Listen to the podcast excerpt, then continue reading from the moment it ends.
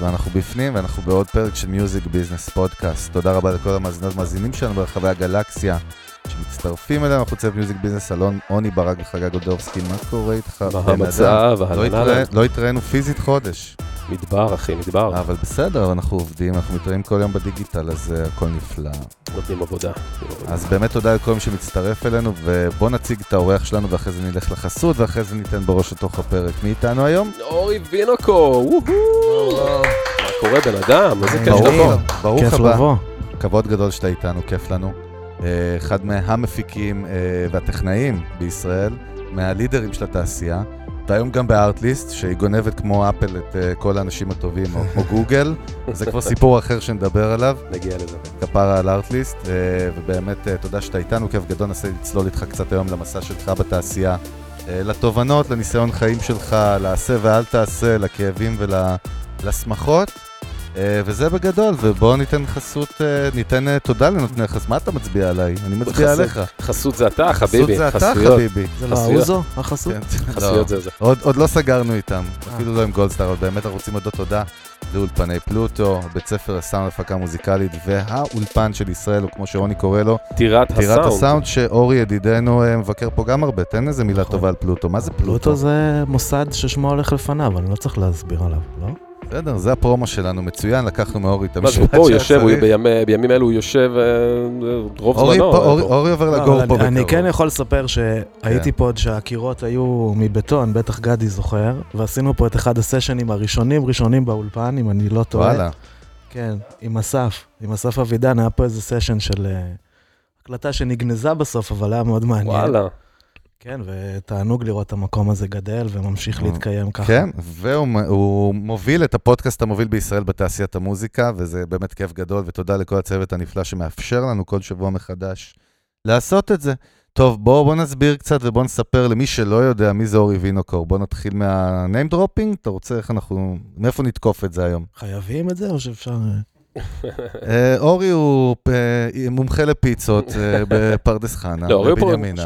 כן. לא, אבל אורי producer, אחי, הוא גם... אה, בוא, בוא נגיד את זה גם בקטנה, הוא גם כן. בסיסט, בוא, בוא. אני חייב להביא את זה בהתחלה, בסדר? לא, אבל בעיקר producer, אחי, הוא עבד עם אה, אמנים מהשורה... עובד, עובד. עובד ועבד, ובאמת עשה חלק מהפרויקטים באמת היותר אה, מצליחים גם בארץ ברמה בינלאומית, אתה יודע, יש לו, עבד עם, עשה באמת...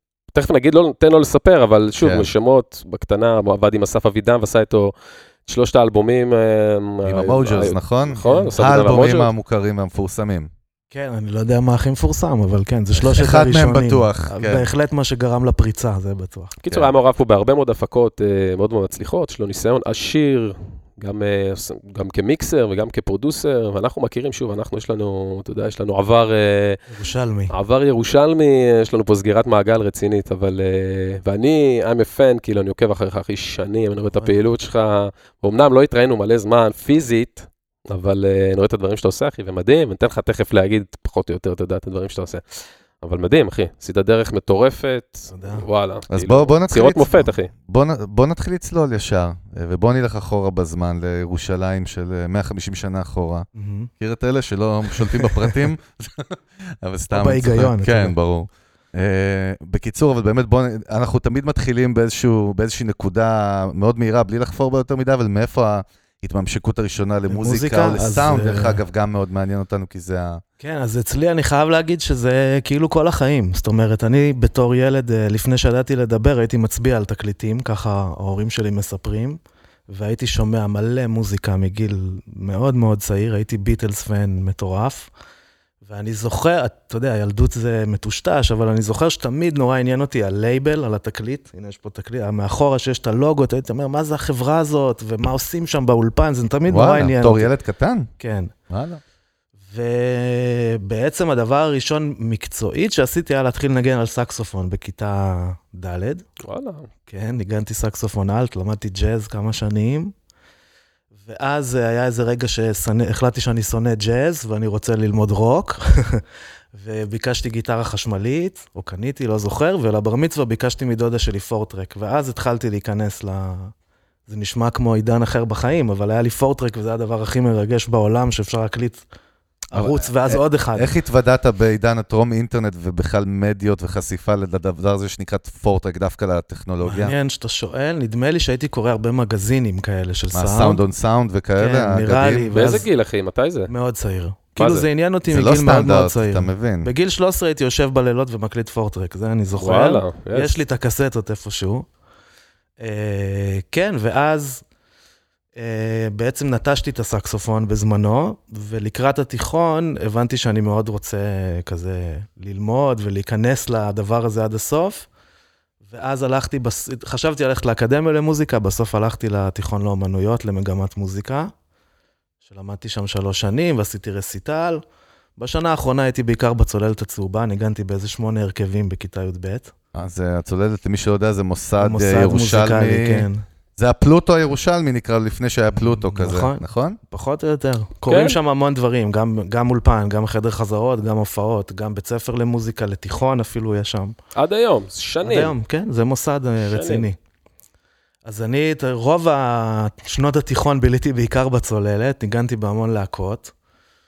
אה, זהו, אחרי, עושים את זה בספיד, כן? כי רוצים לדבר על עכשיו, על. העתיד. כשנראה משהו רלוונטי נעצור אותך כן. על מהירות. אה, ואז בסוף התיכון, אה, אני לא התגייסתי והחלטתי לנסוע לניו יורק, ללמוד ב New School. ואז טורג'זיסט, דווקא חזר לי. הג'אז. לא, הייתי מנגן בס, אז רציתי לנגן קונטרבס, מה שלא, מה שנכשל בסופו של דבר, מחוסר יכולת להתאמן כל כך הרבה.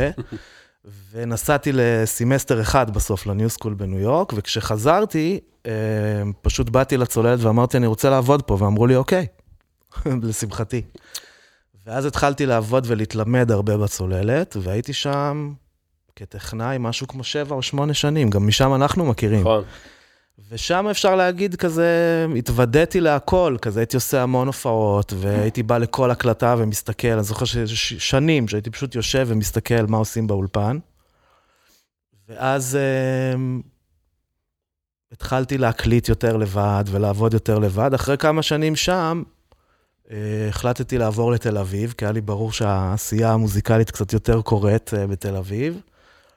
אני לא זוכר בדיוק את ציר הזמן, אבל בערך באותו זמן התחלתי לעבוד עם אסף, אה, שבעצם החיבור שלי עם אסף גם קרה דרך הצוללת, זה סיפור בפני עצמו. אז רגע, בוא, נסתק, בוא נתמקד רגע לפני שאנחנו קופצים את תל אביב, דווקא בתקופה בצוללת. לפי מה שאני מבין, גם זה המקום שהוא מפרה, כולם מפריעים אחד את השני, נכון? נכון, זה היה מקום... networking, בוא נגיד, מאוד בטח, חזק. היה שם קהילה תשמע, מוזיקלית. היית בא לצוללת ולא היית רואה את אורי, היית אומר, "וואלה, יש איזה בעיה, משהו לא בסדר. כאילו, אורי נהיה חלק מה brand של הוא שם הצוללת. תמיד- חמישה, שישה ימים בשבוע, כן. הוא היה מקליט, אחי, live סשנים, ועושה סאונד להופעות, והיה עובד באולפן למעלה, היית עושה שם הכל. רגע, אורי, אנחנו מדברים, בעצם על עידן שהוא טרום בתי הספר לסאונד, נכון? סוג של... אה, היה את יואב גרה. יואב כזה. גרה תמיד בקטנה. היה, עוד לפני קום אולי המדינה, הייתה מכללה בסדר. בתל חי או משהו כזה, אבל כן, זה לא כן. היה כמו עכשיו. אז, אז בעצם מה, מה באמת ההבדל הגדול שאתה רואה בין החוויה של להיות שם ולקרוא את התחת שם בלימוד לבין בעצם לימודים תיאורטיים? רוצים להתקיל קצת בשביל להבין מה ההבדלים. שתכלס לא עשית, כאילו לא עברת שלא. מסלול, נכון? לא למדתי מסודר ממש אף פעם כלום, אבל באופן כללי אני מאוד אוטודידקטי תמיד, כאילו בכל דבר. אז גם בסאונד, קראתי את הספר על הסאונד, אתה יודע, יש את הספר הזה המאוד ארוך, אז קראתי אותו טוב, וזה נורא עניין אותי, אבל באופן כללי אני מאמין שאתה לומד כשאתה עושה, הרבה יותר משאתה לומד, כשאתה עסוק בללמוד, אתה, אתה פחות עושה. אמ, כן, ואני חושב המון מלראות, זאת אומרת, הייתי המון המון במצבי התבוננות.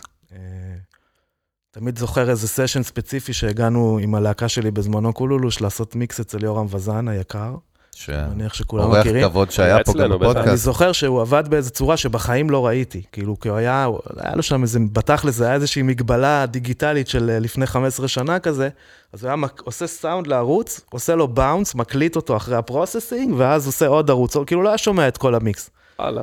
כן, וזה היה כזה נורא מוזר, ואז שאלתי אותו, העזתי לשאול, תגיד, למה, מה, מה אתה עושה? הוא אמר לי, תקשיב, כשאתה רואה מאסטר עובד, אתה יושב ושותק. ואז. ישבתי שם איזה ארבע שעות, וכל הזמן אני מחכה שהוא יפתח את המיקס, ומה יקרה פה, כי לא הצלחתי להבין מה, איך הוא עושה סאונד רק לבייסדרם, ובסוף זה יהיה... זה, ובסוף שהוא חיבר את הכל, זה היה נשמע מדהים. תגיד, ו- אז, אה, וכאילו מבחינת, נגיד, שהיית בצוללת, נגיד, בכל השנים הראשונות שהתגלחת על כל העולם הזה, אז כאילו מבחינת ציוד, אז השתמשת בציוד בטח של המקום, מן הסתם, אבל. מבחינה התפתחות, מהבחינה של ההתפתחות האישית שלך, כאילו לא היה, פחות היה נפוץ אולפן ביתי ודברים כאלה, אז כאילו, רכשת ציודים, הרי היום, אני יודע, גם, שוב, המאזינים שלנו גם, חלק אה, מעולם המוזיקה, וחלק גם מאזינים שמקשיבים לזה. אבל יש לך, מבחינת ציוד, מבחינת כלי עבודה שיש לך היום, אני רואה ואני עוקב, יש לך דברים כאילו, יש לך ציוד מטורף, ואתה אוהב ציוד מאוד. אה, אני פחות אוהב ציוד, כן? האמת, מפעם, היה לי רגע של ציוד, כן. לא, אבל היית קונה? היית קונה גם דברים אה, אישיים ל- לעולם? מעט מאוד, Mm. זה כמו שאתה אומר, זה באמת מצחיק לחשוב על זה, אבל זה שנים שעוד לא היה כל כך אולפן ביתי. הטכנולוגיה לא אפשרה אני את זה. זוכר כן. שהיה לי כרטיס שקראו לו פולסר, שהיה בתוכו סינטים, וזה היה כאילו mind blowing שאפשר לעשות modular synths בתוך המחשב ולתכנת סאונדים וזה, והייתי מתעסק בזה כמה שיכולתי. כן, מבחינה טכנולוגית תמיד דאגתי כזה לשדרג, שיהיה לי בבית את מה שהכי טוב שאפשר לעבוד איתו. אני ממש זוכר ימים שאי אפשר היה לעשות מיקס שנשמע טוב in the box, כאילו זה היום לא המצב יותר, היום סטנדרט. מה זאת אומרת? זוכר שהיה לי נורא קשה. בצוללת היית, אה, הציוד הוא יחסית מצומצם ומוגבל, בטח ברמה האולפנית. אה, היום, במבט לאחור, אני רואה את זה כפלוס, כי כאילו, אם אתה ישר נכנס למקום שהכל מדהים, שפע, כן. כן, זה לא תמיד הדבר הכי טוב. אה, אני כן יכול להגיד, הפטיש הקטן שלי היה זה שבאמת התחלתי ללכת להרבה סשנים גם מחוץ לצוללת, ויצא לי גם בחו"ל, כל מיני, הייתי בהמון אולפנים בחיים, בהמון מצבים, ומבחינתי ציוד זה כמו איזה בן אדם, כאילו פראמפ מסוים עם מיקרופון מסוים עושה אופי. איקס, ואני במשך שנים עשיתי לעצמי כמו איזשהו מילון פנימי כזה, שאני לא יודע להסביר אותו דרך אגב, אין לי שום הסבר, אבל אני יודע למה המיקרופון הזה נשמע ככה, כשהוא מחובר לניב פה, כאילו. מבין את ה... איכשהו יש לי מין סאונד סיגנצ'ר כזה בראש, ואז אחרי הרבה שנים כאלה, אז התחלתי להגיד, טוב, אני יודע מה אני רוצה שיהיה לי. ואז אה, אחרי הרבה שנים של לחלום על להקים אולפן, אה, אז הקמתי אולפן לפני בערך שמונה שנים, הסליק בפלורנטין, שכבר סגור לצערנו, ז"ל. כבר ז"ל אה, כמה חודשים. הקמתי אותו עם יובל גרשטיין, חברי היקר שגם היה איתי בקולולוש, בלהקה שלנו. ושם ניסיתי לקחת את כל מה שחוויתי בכל המסעות הקלטות האלה, ולנסות באמת לבחור נכון. ואז באמת החלטתי שאני לא רוצה מיקסר, כי תמיד היה לי מוזר, אמרתי כאילו, רגע, V72 נשמע כל כך יפה על בס או על שירה עם קומפרסור, אבל הניב מדהים ל- לאוברהד של התופים, אז למה צריך שהכל יהיה אותו דבר? כאילו, מבחינתי הצבע הזה של preamp הוא מאוד מאוד מאוד משמעותי. אה, הוא גם מביא משהו שתמיד מרגיש לי שאתה לא יכול אחר כך לזייף אותו, כאילו זה לא EQ אחר או איזה process אחר, יש משהו באיך שה source מוקלט שהוא מאוד מאוד דרמטי ב- בתוצאה הסופית, אפילו היום עם כל, ה, כל היכולת processing המטורפת שיש היום בדיגיטל. אז רגע, אורי, אז, בוא, אה, בוא, אני רוצה להוציא אותך קצת מהטכנולוגיה וללכת ל, קצת לעולם היותר הוליסטי והמחשבתי. ובאמת, אני מנסה להצביע איזשהו פין פוינט, כאילו, בציר זמן שאתה נמצא בצוללת. איפה הרגע הזה, ואם היה בכלל רגע כזה שאמרת, זה מה שאני הולך לעשות בחיים הבוגרים שלי, כאילו, או רגע, זה היה הרבה לפני. כאילו זה בא באמת... בגיל 13, אז המנוי לסאונד אני אומר און לך את סאונד האמת, ב-100 מבחינתי יורו. הוא בגיל אפס. זאת אומרת, אני לא יודע להסביר לך לא, את זה, בסדר אבל גמור. היה לי ברור אחי, אחי, הוא עלה לגמרי. לכותל, אחי, עם רדיו, הוא שם את הדרשה, אחי, בפליי, עם הזה- הספר תורה יד אחד, עם הזה, אחי. אני לפעמים מתבאס שלא היה לי את הקטע הזה בחיים, שאני לא יודע מה אני רוצה לא, לעשות זה- כשאני אהיה גדול, כי זה אף פעם לא היה לי את השאלה הזאת. אבל דרך אגב, לא, אם נדייק את זה אפילו יותר, מה רצית לעשות? מה רצית להיות מפיק? רצית להיות סאונדמן? רצית להיות ידעתי שאני רוצה מוזיקאי? להיות במוזיקה ומשם זה התגלגל. אני, אני יכול להגיד, עוד לא יודע על מה נספיק לדבר ומה לא, אבל נדמה לי שהיום הייתי כמעט בכל אה, כל עמדה טייטלים. בתעשיית המוזיקה, הייתי בה לרגע, או חוויתי אותה באיזושהי צורה איך אתה מספיק מגדיר את עמוקה. עצמך היום? כאילו, אם צריך לבחור טייטל אחד, מה אתה? מי זה אורי? אורי הוא בן אדם, אני לא יודע מה אני... אין טייטל כזה במוזיקה. כן, אני. לא יודע, אני, מפ... אני מפיק במהות שלי, היום אני כבר שנתיים בארטליסט עובד בתפקיד אה, מאוד לא מעניין. ציינו את זה באמת, אחת החברות המבריקות בארץ, טפו, טפו, בעולם. ובן פורת יוסף, כן, הכוונה אחד הסטארט-אפים הישראלים, כן, שהרבה ישראלים לא יודעים שזה ישראלי, דרך נכון. אגב, זה מפתיע אותי כל פעם מחדש, כי זה לא כל כך נראה ומרגיש. שזה כאילו סימן טוב גם. וברוך השם. כן.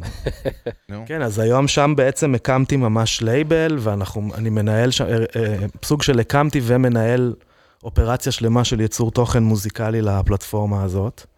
אז אתה, בטייטל אנחנו מדברים על זה כפרודוסר, נכון? אבל זה כאילו, כן, אני תמיד אומר, הייתי מפיק של אומנים, ועכשיו נהייתי מפיק של מפיקים. כי כן. אני יותר. אה, שזה הרבה יותר כיף, דרך אגב, למי שמתעניין. אגב, ארטליסט, למי שלא מכיר, איך אפשר לתאר אותה במשפט? מי ששומע ארטליסט עכשיו, אין לו מושג על מה אנחנו מדברים. אה, אפשר לדבר על זה הרבה, אבל ארטליסט היא פלטפורמת music licensing, זאת אומרת, זה אתר שנותן רישיון שימוש במוזיקה ליוצרי וידאו, השימוש הוא בעצם עבור... היום כבר זה הרבה יותר מיוצרי וידאו, דרך אגב. אני בתור פודקאסטים, פודקאסטר, כן, הרישיון כולל. וידאו ופודקאסט כן. במשפט אחד. ארטגריד בכלל, ארטגריד זה לא רואים בכלל בעיניים. footage. כן. אמ, והדבר הגדול שהארטליסט הביאו לעולם הזה, אמ, או כמה דברים גדולים, זה בעצם הפלטפורמה הראשונה שהציעה licensing תחת מנוי, ולא תחת pay per track או איזשהו דבר כזה. הם בעצם לקחו את המודל של ספוטיפיי והסטרימינג שהגיע לעולם השמע, שדרך אגב זה גם licensing, הרי ספוטיפיי יש להם רישיון להשמיע בפלטפורמה שלהם, אז לארטליסט יש רישיון לתת רישיון לגוף אחר להשתמש בזה כפסקול. אז הם בעצם הראשונים לעשות את זה במודל של מנוי, וזה משהו שפשוט מאוד מאוד, טיפה להקדים אפילו אולי את זמנו, ומאוד הבינו את העולם הזה אני- של הוידאו, לאן הוא הולך וכמה זה רוצה שאני מתאים. אתן לך פיץ' יותר, כן. אפילו יעלה על הפיץ' שלך, עם פיץ' בבקשה. יותר טוב? בשמחה, ה- רק התחלתי. הרעיון הגדול, כן, סליחה, אבל הייתי חייב, כי אני... קשב וריכוז, לא, בגלל שאני מאוד אוהב את החברה, אז כאילו, אתה יודע, עליי לראש. מה זה, הפתיח שלנו זה של ארטליסט. נכון, הפתיח של המיוזיק ביזנס. דיברנו עם אורי, אמרתי לו, גם המנגל, כל השירים שלנו זה ארטליסט. מה שעוצמתי בארטליסט, הרי היו פלטפורמות כאלה לפני וקיימות, אה, אבל כאילו, תמיד מרגישים שהם כאילו פלטפורמות של מוזיקה כזאת שהיא... מוזיקת ספרייה. מעבדה כזאת, כן. כן, library, נכון. ופה אתה מרגיש שזה מוזיקה שאתה יכול לשמוע כאילו track ולהגיד, בואנה, זה יכול להיות להיט, ב... באתי להגיד MTV, אבל uh, עצרתי את עצמי. אה, זה יכול להיות להיט. באולפן השקוף. זה יכול להיות להיט, ודבר שני, הם, יכול להיות פות- להיט בשנות ה-90. הם פותרים לך את הבעיה האקוטית של אנשי, אנשים שמייצרים תוכן בדיגיטל, שתמיד הרישיון מאוד מוגבל. זה אתה יכול, זה אתה לא יכול, פה יתבעו אותך, פה אתה צריך להיזהר, פה אתה צריך לחתוך, ופה נכון. אומרים לך, הכל חופשי. עלול. וזה דבר שהוא פשוט מהפכני, הוא נשמע פשוט, אבל הוא... הוא לא פשוט גם לביצוע, פשוט דרך בכלל. אגב, לא, אבל... זה מאוד, אה, מאוד. ישראלי גם, אחי, הכל טוב, קח. כן, אז אפשר להגיד אבל שגם כאילו באמת אה? הם עשו מהפכה בתעשייה הזאת, כי המון חברות בעצם העתיקו את המודל, כי הם הבינו שהם לא יוכלו להתחרות בזה להישאר אחרת. במשחק, בטח. אבל מעבר לדיל הכלכלי והרישיון המאוד נוח הזה, אני חושב ששני הדברים הנוספים, שאחד מהם קצת אמרת, זה באמת האיכות המוזיקלית בארטליסט היא באמת פנומנלית. אני בעצמי מופתע מזה כל הזמן לטובה. אני מגלה שם גם אומנים ישראלים פתאום כאילו מוכרים שעובדים שם, אתה יכול לראות, כן. גם הדירות הם. ו- מה זה, מה זה כולם עובדים? עובדים הם- איתי. הם- הם עובדים, כן. הם עובדים איתם, הם מזמינים גם מאמנים מסוימים תוכן, טוב. זה נכון? מה שאני מנהל, אני זה- מנהל את המחלקת מקור, ואנחנו בעצם עובדים עם המון המון המון מוזיקאים, קרוב ל-200 היום. אה, ואנחנו מייצרים כמויות תוכן, האמת, זה ברמה של חברת תקליטים הכי גדולה בעולם, לא בטוח שהיא עובדת בס- בסקאלה הזאת. אנחנו מייצרים אלף שירים בשנה, מטורף. אה, בכל סגנון, בכל גבוה. סטייל, בסטנדרט הפקה מאוד מאוד גבוה, משתדלים לפגוע מאוד גבוה. אה, כן, ואנחנו עובדים עם הרבה הרבה, המון מפיקים ישראלים, אפשר להגיד חלק נכבד מהדור הצעיר והמבטיח בארץ מגויס איתנו ועובד איתנו כל הזמן, וזה מתרחב עכשיו לכישרון ולאומנים מכל העולם. ו... טוב, אז בוא נחזור לאורי, כי זה פרק על אורי, ומי שרוצה, דרך אגב, יש פרק על ארטיסט במנגל, עשיתי פה איזה אינסרט יפה, איזה- אבל איזה לא, כי מספר? אורי הזכיר לי שהיה איזה לי פרק... מספר הפרק? אה, לא, אני במספרים, דבר איתי. חמיש... לא, זה- מה אתה מתקיל אותי עכשיו? תרשמו ארטליסט איציק המנגל. באמת, ככה מוצאים את זה.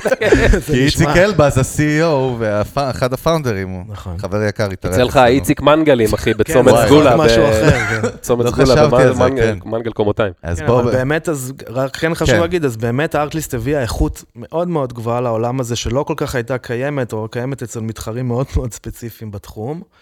אה, וגם הרבה מהמוזיקה כן מגיעה מאומנים שהם לא ההפקות מקור, הם אומנים פעילים, אומני אינדי פעילים מאוד בעולם.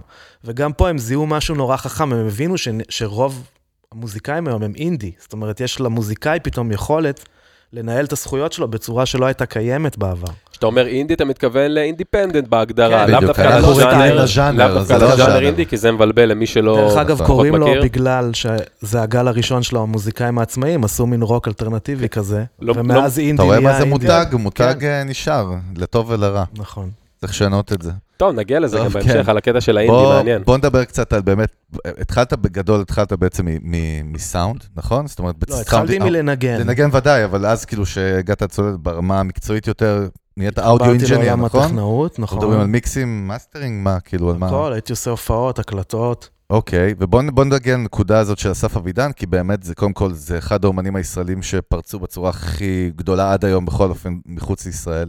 זה נכון. אה, ואתה היית איתו שם בנקודת זמן הזאת, ומעניין אותנו באמת לשמוע גם על החוויה שלך, איך נקלעת לזה, מהמם. והאם ידעתם בכלל שזה הולך לקרות ככה, או מה קרה שם, בקיצור. ירושלמי, לנו את קודם הצהוב. כל, ירושלמי גם. אה, אני. אספר לכם. איך זה קרה. קודם כל, אה, את החבר'ה שניגנו איתו במוג'וס הכרתי מכל מיני סיבובים בירושלים, עם כל מיני להקות שהם ניגנו. הרבה אסלינג הם עשו שם, לא? בשושו ככה תקופה, לא? זאת אומרת, הופיעו בכל מיני... אה, זה, כן, אני מדבר איתך עוד כן. לפני זה בכלל. אה, ואסף, בעצם הכרתי אותו כי הוא היה בא לצוללת בימי שישי, הוא היה מזכיר את הבמה של הצוללת לבד, והיה יושב. ומנגן, ואני חייב להודות, הוא לא היה כל כך טוב. שאני מקווה שהוא לא שומע. אבל... אה, סוחר כאילו. אני מקווה הוא שהוא היה שומע. בא כזה, הוא היה עובד, הוא היה אנימטור ומדובב, הוא היה כזה בא לפרוק את עצמו בסוף שבוע, היה בא כזה לנגן גיטרה, הוא גם בעצם התחיל לנגן ולשיר ולכתוב בגיל מאוד מבוגר יחסית, כאילו מעל גיל 20, זה לא משהו שהוא עשה ב... ואז מה שקרה זה שבעצם בשנה האחרונה שעוד עבדתי בצוללת, הקמתי שם פרויקט להקות. אני בעצם גדלתי בצוללת בפרויקט להקות נוער, ואז היה איזה רגע שאמרתי, יש כל כך הרבה כישרון מעבר לגיל נוער, שאין לו פרויקט שבא לעזור לו. והצלחנו לגייס איזה סכום מהקרן לירושלים, אה, ופתחנו פרויקט ללהקות, ועשינו אודישנים. זה היה תקופה אחרת, הגיעו אז איזה 40 להקות לאודישנים של פרויקט להקות, היום לא נראה לי שיש 40 מגניב, להקות מזכיר לי, בארץ. היה לנו פסטיחון אצלנו בתיכון, חיכינו לזה כל השנה. פסטיחון, איך כל עיר יש כן, לה את ה... כן. יש אה, זה רק. אצלנו היה? בגני פסטיחון, תקווה? אצלנו לא. כן, יש, אני יודע, שיר רימון, פסטיחון. פסטיחון זה חדש. אבל uh, מה שקרה זה שעשינו אודישנים uh, להמון המון להקות, ואני הייתי בעצם אמור להיות המלווה של הלהקות האלה. מי שהתקבל, הייתי אמור ללוות אותו במשך שנה ולעבוד איתו, ו... זה השופט, בקיצור, לא? לא, אני מה- הייתי גם שופט מנטור, בזה, מנטור אבל הייתי אמור להיות? המנטור שמלווה אוקיי. אחרי זה את הלהקות, וזה כלל חזרה שבועית בחינם בצוללת עבור, בשביל הלהקות, והקלטה של סינגל או שניים, לא זוכר בדיוק. זה אה, שורה, תשורה. זה היה המון, זה אחי, זה ים, זה המון, זה זה פרס שווה בטירוף. כן, זה הרבה כסף אז. היה עולה לעשות את כן. זה. אחרת. ואז ראינו המון המון להקות, ואחת מהלהקות שעלו לבמה היו אסף אבידן והמוג'וז. שאני אז מבחינתי הכרתי אותם כמפורקים, ואני זוכר היטב שהם ידעו לנגן שיר וחצי, כי הם עשו בדיוק חזרה אחת לפני ה... זה היה בעצם אחרי חזרה אחת או שתיים שלהם. הם היו. בריאיוניון בדיוק כשהם באו אליכם. ב reunion שלהם עם עצמם אולי. והם ניגנו, ממש, הם אמרו, סליחה, את השיר הבא אנחנו יודעים לנגן עד האמצע, אני לא אשכח את זה. הם ניגנו את שכונה. Woman ואת Growing Tall עד האמצע. איזה שכונה. גדל. ששמעתי אותם מנגנים, אני אומר את האמת, אני מבחינתי, זה היה לי, אני זוכר, סימנתי 100 על הכל, או מה שזה לא היה, ואמרתי, ברור שזה הולך להיות, כי אני כל הזמן אמרתי להם, הפרויקט הזה צריך למצוא את הכוכב הבא מירושלים, וזה מה שהפרויקט הזה אמור לעשות, זה לא מדהים, פרויקט נוער. איזה סקופ, וואו. אה, זה פרויקט שאמור להציף את התגליות הגדולות של העיר. ואז אה, זה סיפור מעניין בדיעבד אה, תמיד לחשוב עליו. ואז מה שקרה זה שהסתיים היום, ואני הייתי אחד מתוך ארבעה או חמישה שופטים. ואני הייתי, הדבר הראשון שאמרתי שהסתיים, אמרתי, אוקיי, אסף אבידן בטוח, ואז הם כולם אמרו לי, לא, אנחנו לא חושבים שצריך אותו." וואלה. ולשאלתך, אם הבנתי מה זה הולך להיות, אני חושב שבאינטואיציה הבנתי משהו, במציאות בטוח לא. לפי מה שאתה אומר, יותר מזה, גם אתה היחיד שאולי הבנת מה לא, הולך אז להיות. היה אותי ואת הדס מהצוללת, מי אה. שמכיר, שגם הייתה בדעה שלי, אבל מה שקרה שם, אני, מה שאני הולך לספר זה מה שמוכיח לי שכנראה הייתה לי איזושהי תחושה, כי הם אמרו, השופטים האחרים אמרו, תשמע, הוא כבר הוציא איזה EP, הוא לא צריך אותנו, הם יסתדרו בלעדינו, over יש פה להקות אחרות שיותר צריכות את הפרס הזה, כל מיני דברים כאלה. ואני זוכר שנורא התעצבנתי על זה. ונלחמתי איתם עד אחת בבוקר, היינו שם עד אחת בבוקר. קחו את זה ברצינות שם, אה? שזאת טעות מאוד גדולה, שזה הדבר הכי טוב, קודם כל שזה היה הכי טוב ששמענו ושצריך לקחת את. הכי טוב. ושתיים, אמרתי להם, זה הולך להיות מישהו שיכול להצליח ובעצם אחר כך לייצג את הפרויקט הזה ולהראות שהנה משהו יצא ממנו. ואחרי מלחמה מאוד מאוד ארוכה, אה, עד אחת בלילה, אם אני זוכר נכון, הפסדתי, הם לא, הסכ- לא היה רוב לה, להסכמה להכניס מי אותו. זה אצ'ה שם וכל כן, החבר'ה? היה אצ'ה, הייתה מישהי מהתו השמיני בזמנו, ודודי לוי, אם אני זוכר Mm. נכון. הבאנו כאילו... דודי לוי, תמיד איכשהו אני רואה אותו שופט כזה בתחרויות, זה דודי לוי הזה? לא, דודי לא, לוי לא. עושה אה, הרבה. הבאנו אותו אז כמין עוד יועץ ל... אחלה גבר, אבל לא. סליחה.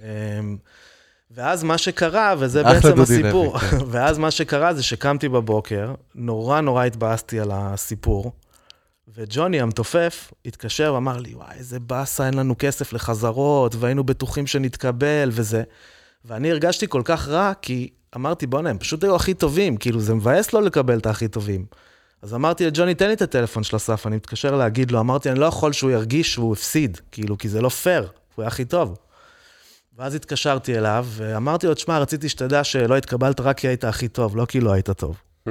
הוא אמר לי, וואי, איזה מזל שאתה אומר. מפה ושם התחלנו לדבר, אני לא זוכר בדיוק, אני רק זוכר שזאת נהייתה שיחה מאוד מאוד ארוכה, שבסוף אמרתי לה, אתה יודע מה? אני בא לעבוד איתכם בלי קשר לפרויקט. אז כאילו בתקופה הזאת הם הסתכלו עליך כאורי מהצוללת, נכון? כן. זאת אומרת, כאילו זה כבוד. בשבילנו ל... לא, היינו חברים מירושלים, לא יודע, לא עשיתי כלום עדיין בחיים, לא הפקתי אלבום אחד באותו שנה, לא, אבל באותו הם- זמן. הם ידעו שאתה כאילו, כן, אוטוריטה, כמו לא, היה לו שאלון כוח, אומר. היה לו אה, כוח, היה בצוללת, אחי, אורי זה היה, הוא היה חלק מהצוות של הצוללת, היה המוסד הכי גדול, כן. לא, היה, לא היה הרבה עוד בירושלים, לא היה הרבה כלום עניינים. בירושלים. לא, היה מה, מד- מדבר, הר, הרים, אחי. הרים של... אה, זה. אז, אז כאילו אמרת, יאללה, בוא, אני זורם עם זה, בוא אתה ניקח יודע מה, אתכם. בוא אני אבוא. אמרתי, והיה לנו גם איזו שיחה טובה כזאת, אני לא זוכר את הפרטים שלה, אבל היה מין שיחה שהתחברנו והבנו שאנחנו כזה באותו מחשבה על המוזיקה שלהם וזה וזה. ואז אמרתי לו, אתה יודע מה, אם אתה רוצה, אני בא. הוא אמר, יאללה, תבוא. וגם, אני חושב שבעצם באתי לחזרה שהייתה אולי החזרה הרביעית, חמישית, שישית שלהם, כזה ממש תחילת הדרך של הלהקה. אה, החזרה הזאת הייתה, תאמין או לא, בעצם בויטל 17, איפה שבסוף היה האולפן שלי שבע שנים. אשכרה. כן. ובאתי לחזרה הזאת, ובעצם מאותו רגע נהייתי מין אה, חבר להקה נסתר כזה, גם ככה אסף היה קורא לי הרבה פעמים, המוג'ו הסודי, כאילו. והפקת מהם, ב- לפני כן עשית. לא, לפני התקופה, אה. היה לך הפקות לא שעשית? באמת. לא. זאת אומרת, לא זה באמת. ה production הראשון שאנחנו רואים אותו כמקצוע. האלבום הראשון. שהפקתי בחיים זה The Reckoning. מדהים. אתה מבין? זה סיפור, אחי, זה... מדהים. זה יציאה יציאה. ולהגיד כאילו, לך את האמת, אין לי מושג מה עשיתי שם, כן, אני לא יודע איך זה לי קרה. יש מושג, כי זה אלבום מדהים, ואני מכיר אותו בעל פה. היה שם רק רוח, שום ידע, רק רוח. וכשאתה שומע אותו בדיעבד היום, לא יודע אם יצא לך או אם יצא לך, מה אתה, אה, איזה האמת שלא תובנות אתה ישבתי מקבל? להקשיב לו המון זמן, אבל בפעם האחרונה? שהקשבתי, אמרתי לעצמי, הלוואי שזה יקרה עוד פעם, כזה דבר. יש פה. משהו של הבוסריות הזאת? כאילו, משהו שם, מה? הייתה שם, תראה, אני, אני אגיד לך מה אני זוכר מהסשנים של, של האלבום הזה, כי היה שם הרבה מאוד אלכוהול מעורב בזה. אמ, קודם כל, הקלטנו אותו מאוד מאוד מהר, אני חושב שהיינו בסך הכל, היה לנו תקציב לחמישה ימים בעוגן. זה היה, החלטנו לעשות את זה בעוגן אחרי כל מיני... אה, ורק כדי שכולם יהיו בפוקוס, ה- ה- ההופעה שבאתי אליהם כדי לסגור את התאריכי ההקלטה, היו שבע כרטיסים בלוונטין שבע. זה היה מדהים. איפה שהיינו. אמ, אני הייתי השביעי, כאילו, שישה ואני. כולל. ו... ואז קבענו את ההקלטות האלה, היה לנו תקציב כזה, הוא השיג כאיזשהו, איזושהי השקעה מחבר שרצה כזה לעזור לו, והיה לנו משהו כמו חמישה ימים בעוגן. מה שאני, ואז ניסינו כזה, אני זוכר איך סידרנו את האולפן, וניסינו שתהיה אווירה כזאת, והכנו את השירים מאוד טוב, באנו מאוד מחוזרים, זאת אומרת, היינו אחרי המון חזרות, את העיבודים מאוד מאוד הכנו. אה, ואני זוכר שבמשך יומיים לא הצלחנו להוציא צליל אחד מוקלט שנשאר בה, כלום, שום דבר, זה פשוט היה קטסטרופה. איזה אני ייאוש. חשבתי שיש מצב שהלך הסיפור הזה, כאילו שנגמר תכף הזמן. זאת הייתה טבילת האש הראשונה שלהם המקצועית בעצם, גם, נכון? לגמרי. שמע, זה יומיים, זה הרבה, זה לא איזה... זה לך, יומיים אני לשים גם- להוציא. של- אני שלמים. מרגיש שיש פה את הקטע של הלימיט של הטיים שהוא מלחיץ גם, נכון? יש פה איזה מאוד, לחץ זה שיושב. היה פרשר פה- כזה, כן, זה היה גם זמן אחר, לא היה כזה את האולפן הביתי טוב ונלך נעשה גיטרות בבית, זה היה כזה, אוקיי, יש לנו חמישה ימים בעוגן, או שזה יקרה או שנגמר הכסף, כן. כזה. ואז אה, מעניין הדברים שזוכרים לאורך זמן. מה שאני זוכר זה שאחרי איזה יומיים של ייאוש, הם כבר אמרו לי, עזוב, זה לא יקרה וזה, ואני לא ויתרתי להם מלא, כלומר אמרתי, לא, תעשו, תנסו ככה, תעשו ככה, תעשו זה. ואז זה רגע שאני התייאשתי, ויצאתי ללובי, והם התחילו לנגן שיר שקוראים לו Little More Time. ואני לא יודע איך אני זוכר את זה, אבל אני זוכר את זה. ואני יושב במסדרון, וכבר הייתי בתוך הדיכאון של עצמי, שהכל התפרק, ופתאום אני אומר, רגע, רגע, מה אני שומע? This shit sounds like a record all of a sudden, כזה, ואז אמרתי, רגע, מה קורה פה? זה עכשיו נשמע טוב, כאילו, הם פתאום התעוררו. וואלה, אתה היית הבעיה, אחי, מה קורה פה? יצאת מהחדר, אה, יש זהב, כאילו. יכול להיות, לפעמים צריך לצאת מהחדר. ואז, אה, לא, אבל אז דווקא מה שקרה זה שנכנסתי, אמרתי להם, יאללה, רצים על הכל, ובגדול הקלטנו את רוב האלבום באיזה יום וחצי, ממה שאני זוכר, אשכרה. ברצף לא כזה. יאומן, בחיים לייב לא הייתי. מאמין. לייב. או העלאות גם אחר כך? מעט מאוד העלאות היו ב Reckoning. הרוב הוקלט בלייב. שירה. גם, vocals גם? כן. תגיד לי אם אנחנו רוצים. אורי, אם אנחנו רוצים להכניס אנשים קצת ל- ל backstage של היה ה- קצת עבודה אחרי, אבל ממש מעט, בערך. בטח במונחים של היום. של ה... אם אנחנו רוצים להכניס אנשים ל- מה- למאחורה קצת של מפיק, עד כמה מפיק הוא משמעותי נגיד בתהליך כזה? בגלל שזה אלבום מאוד מוכר, ומה, אתה מחליט איזה סאונד של hi-hat יהיה, או איזה bass drum, או איזה line של בס, מה, את-. איך- איך זה עובד? אתה יודע. אה, אין לזה תשובה אבסולוטית, כן? אני יכול פחות להגיד, או יותר. היום אני יכול להגיד שהפקתי, לא, אני לא יודע כמה אלבומים הפקתי, זאת כן. האמת, מעל 100, אני חושב. ולא חושב שעשיתי אותו דבר פעמיים, אפילו לא פעם אחת. זאת אומרת, לא חזרתי, לא, לא חוזרים על אותם יש דברים איזשהם, בדיוק. בוא נקשל את זה הפוך, יש גבולות גזרה למפיק של פה אתה לא מתערב, פה האומן כאילו אל תשגע אותי, או... אה, זה לא עובד. הגבולות גזרה זה, זה העבודה, כן? אבל אה, מעניין. זה נורא נורא שונה ממפיק למפיק, בטח היום, והיום מה שנהיה, מה שקוראים לו היום מפיק זה זו ממש הגדרה עולם מאוד אחר. כללית גם, אין לה... נכון. היום מפיק הוא בעצם מאוד יוצא, הוא ממש חלק מהיצירה. מנצח. אני חושב ששם, בטח בהפקות של אסף, הייתי מפיק שהוא קצת יותר כמו בימים, מה שג'ורג' מרטין היה בימי הביטלס. Mhm. אני ליוויתי אותם ועשיתי הכוונת איתם אותם אולי? מוזיקלית את העיבודים, והייתי שם המון כמו, אני לא יודע אם מנטור זאת המילה, אבל הייתי שם כדי להוציא מהם את המיטב כל הזמן, כאילו, בכל רגע נתון. תגיד, האופי שלך כבן אדם, סבבה? איך זה מתחבר לעולם הזה של ההפקה? איזה, אתה, אתה people person כזה, ב- במהות שלך? במהות שלך, או שזה משהו שהתאמת את עצמך אליו עם השנים? אני תמיד אהבתי אנשים, כן, נראה לי שאתה יכול להגיד. כן? בטח. מ-day one שלך אתה תמיד היית מחובר, או שהיו לך תקופות שהיית יותר כזה, עזבו אותי, אין לי כוח כאילו עכשיו וזה. אני לא סוליקו באופי שלי, גם כן? לא אוהב יותר מדי, לא, אני אוהב, לי, אני אוהב את האינטראקציה עם אנשים, אני אוהב מה שקורה בקסם אני הזה. חושב גם שמפיק, שהוא מפיק ב- בפרוסס כזה, הוא לא יכול להיות סוליקו, זאת אומרת, זה לא יעבוד. לא, שם זה לא היה יכול לעבוד. זהו. זה... תגיד לי, אז, אז באמת עשית את הדבר הזה, זה, זה מטורף, כן? זה טבילת האש הראשונה שלך. איפה, איפה הבום שם ואיך קלטת אותו? זה מאוד מעניין. דווקא הבום, בגלל אה, שלא... הבום הוא לא בום. ודאי לי עכשיו שלא צפיתם אותו כבר, אה, לשאלתי לא, קודם. אז אני אגיד לך את הסיפור שאני אוהב לספר, שכן מסביר כן. מה ידעתי בלב על הדבר הזה. כן. קודם כל, חד משמעית, אף אחד בתוך הסביבה, בזמן הזה שדיברנו עליו, של העשייה של האלבום, שבאמת זה היה לגמרי, זה היה off grid, אף אחד לא שמע עליו, זה לא היה משהו מוכר. אף אחד לא חשב שזה הולך להצליח עד כדי כך, בטח לא עד כדי כך מהר. מצד שני, אסף כבן אדם, תמיד היה לו את. בלב, את ה drive הזה, מבחינתו היה ברוס ספרינגטין, שהוא קם בבוקר. כאילו, הוא כזה, זה הבן אדם. אבל להגיד לך שמישהו... כזה? אה, מה? הוא מאוד האמין בעצמו, זאת אומרת, הוא, הוא רצה להצליח בכל רמה שניתן לדמיין, כן? אבל אני לא חושב שאפילו הוא בהתחלה אז דמיין לאן זה יכול להגיע בקצב שזה הגיע. הסיפור שאני אוהב ותמיד אספר גם לעצמי, זה שבעצם עבדתי איתם לא בשביל כסף, כי לא היה כסף. אז ההסכם שלי איתם היה שאני לוקח איזשהו אחוז כמו חבר להקה בעצם בהפקות האלה. במידה ו... במידה ו... ו?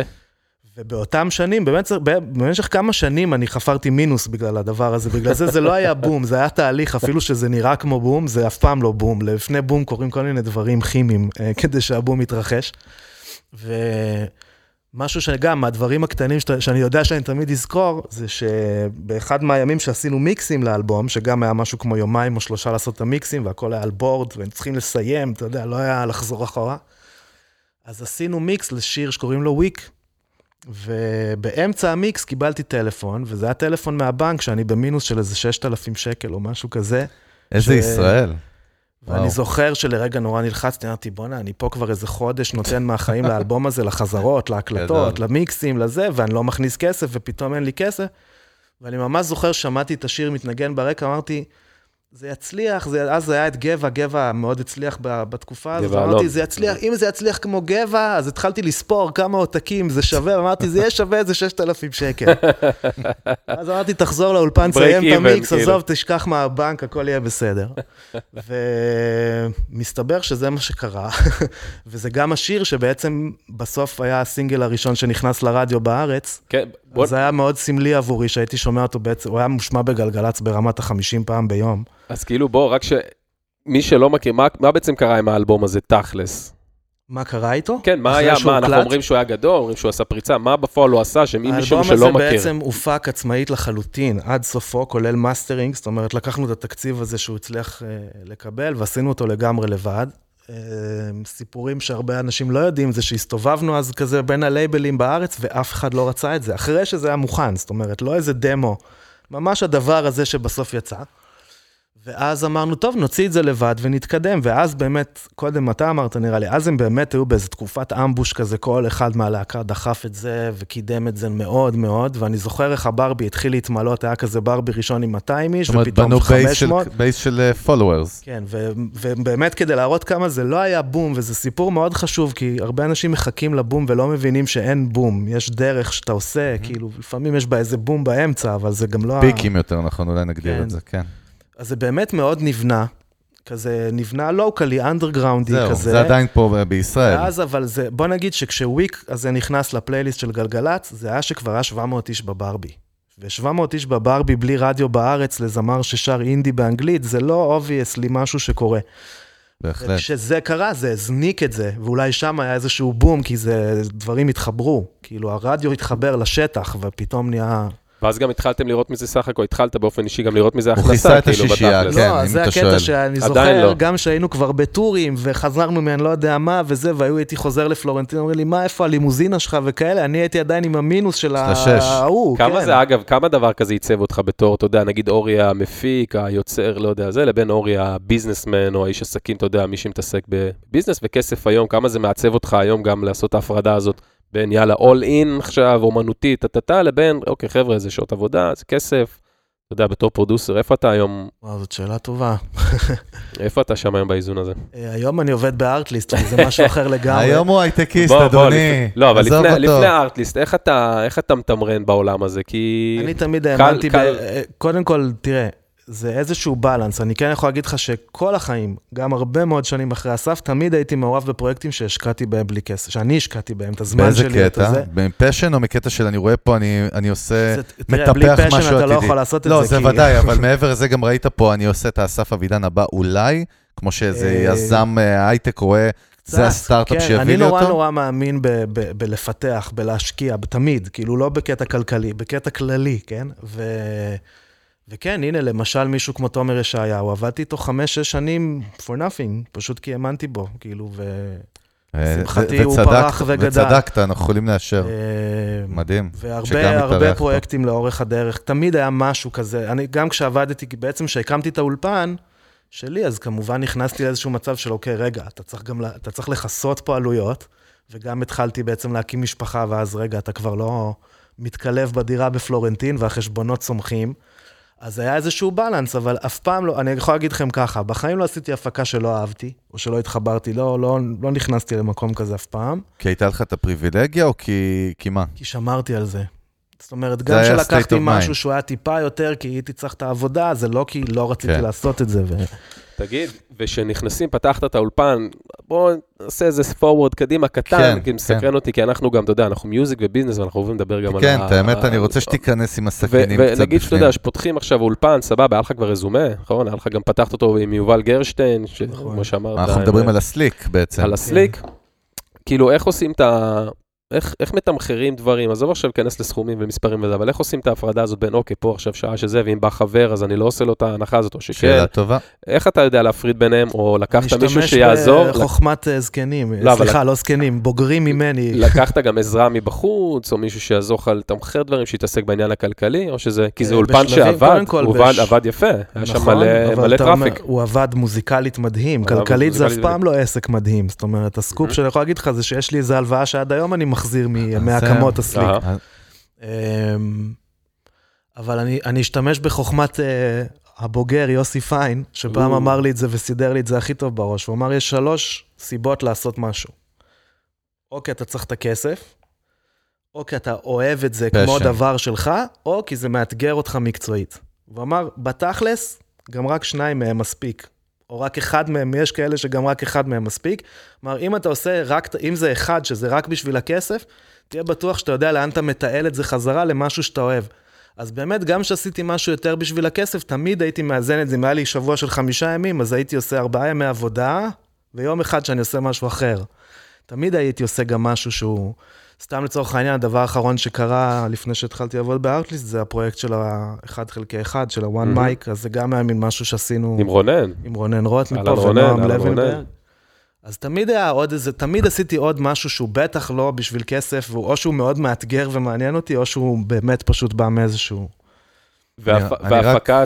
אני רק רוצה כן. לציין במאמר כן, מוסגר, שמה כן. שאמר לי יוסי פיין, עכשיו הבנתי שיוסי הוא באמת גורו. יוסי הוא גורו. יוסי אמיתי. זה כאילו אחי. משפטים של, אה, כמו בסדרה הזאת של אה, ארץ ווילד ווילד קאנטרי בנטפליקס. אז הוא נתן את משנתו פה בפרק כן, אבל, 4 אה, אצלנו, את אחי, זה הוא לא הביא לנו. צ'אנקים שחתכנו, אחי, עד היום. יוסי, לא הבאת לנו את זה. רגע, שנייה.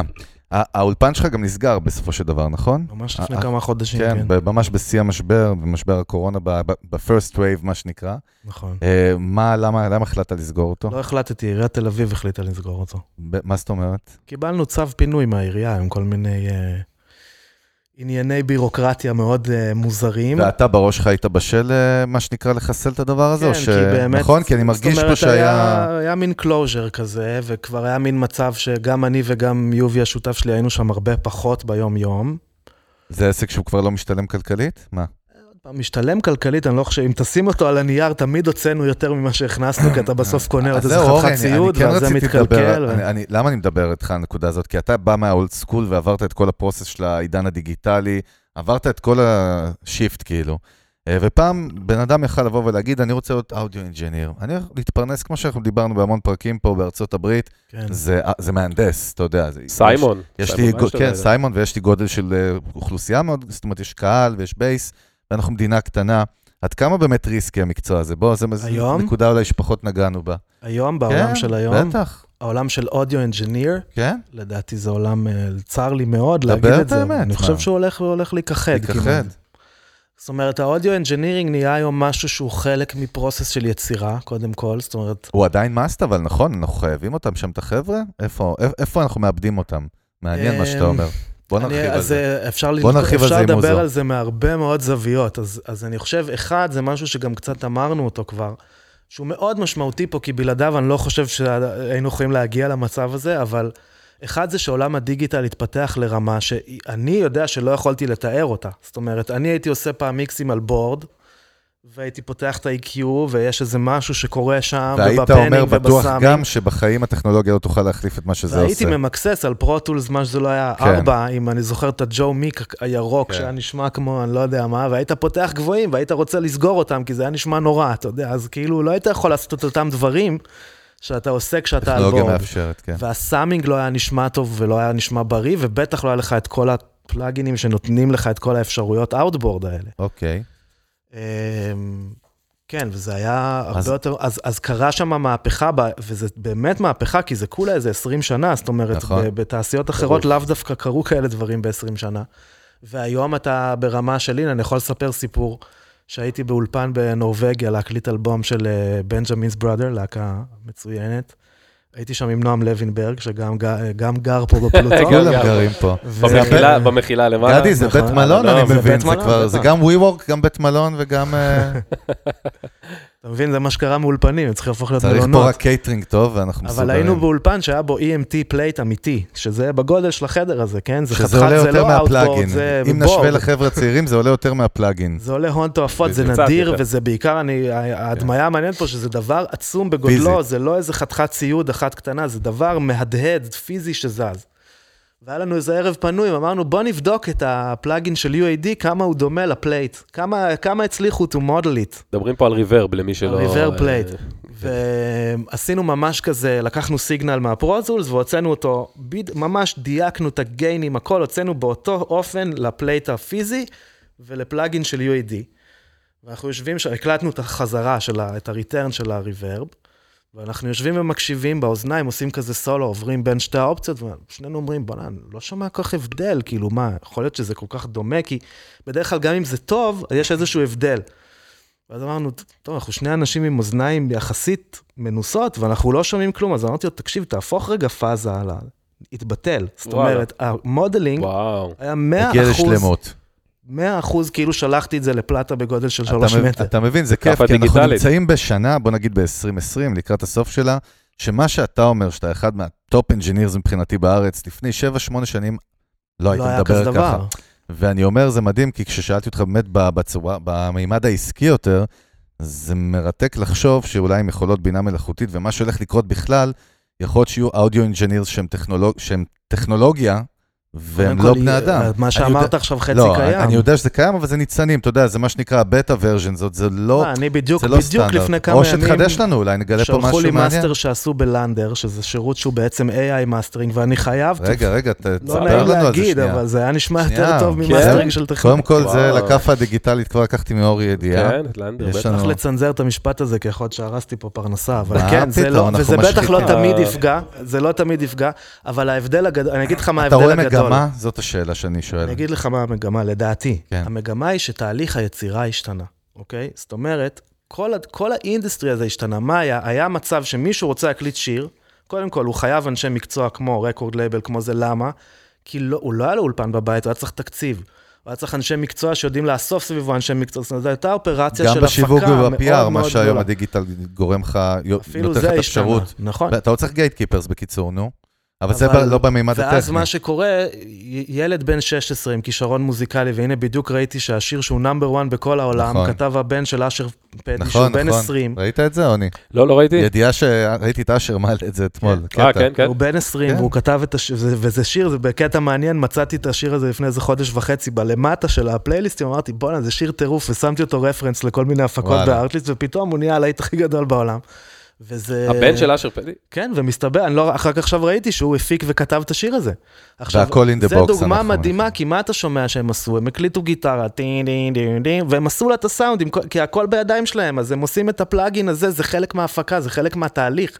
עכשיו, ללכת עם זה לאיזה טכנאי, שפעם היה לוקח source יבש ועושה עליו כסף, זה כבר לא חלק מהדבר שצריך כן, לעשות אתה גם אותו. לא צריך את הכסף שהקופסאות עלו לטכנאי ואת הניסיון של הטכנאי, זאת אומרת, הכל, כל התהליך יתקצר, זה מה שאתה אומר. אני אומר שכל התהליך יצירה השתנה, אני חושב שאם יש מקום שאתה רואה בתוך התהליך יצירה, כן יותר מקום לטכנאות, זה כן ב mixing, כי יש הרבה מפיקים, מוזיקאים צעירים שמצליחים לעבוד יפה עד לנקודה הזאת ולא נכון. אחריה. כי זה מקצוע, חד משמעית, אני מסכים איתך. אני, בר... אני הכי מכבד את המקצוע הזה בעולם, כמובן אני רק מדבר על מה שאני רואה, לא מה שהייתי אנחנו רוצים רוצה אותך, לראות. ברור. חלק אה, מהיצירה גם היום, היא- אתה מעצב את הסאונד שלך כבר בתוך תהליך ההפקה, ואז אנשים גם, נכון.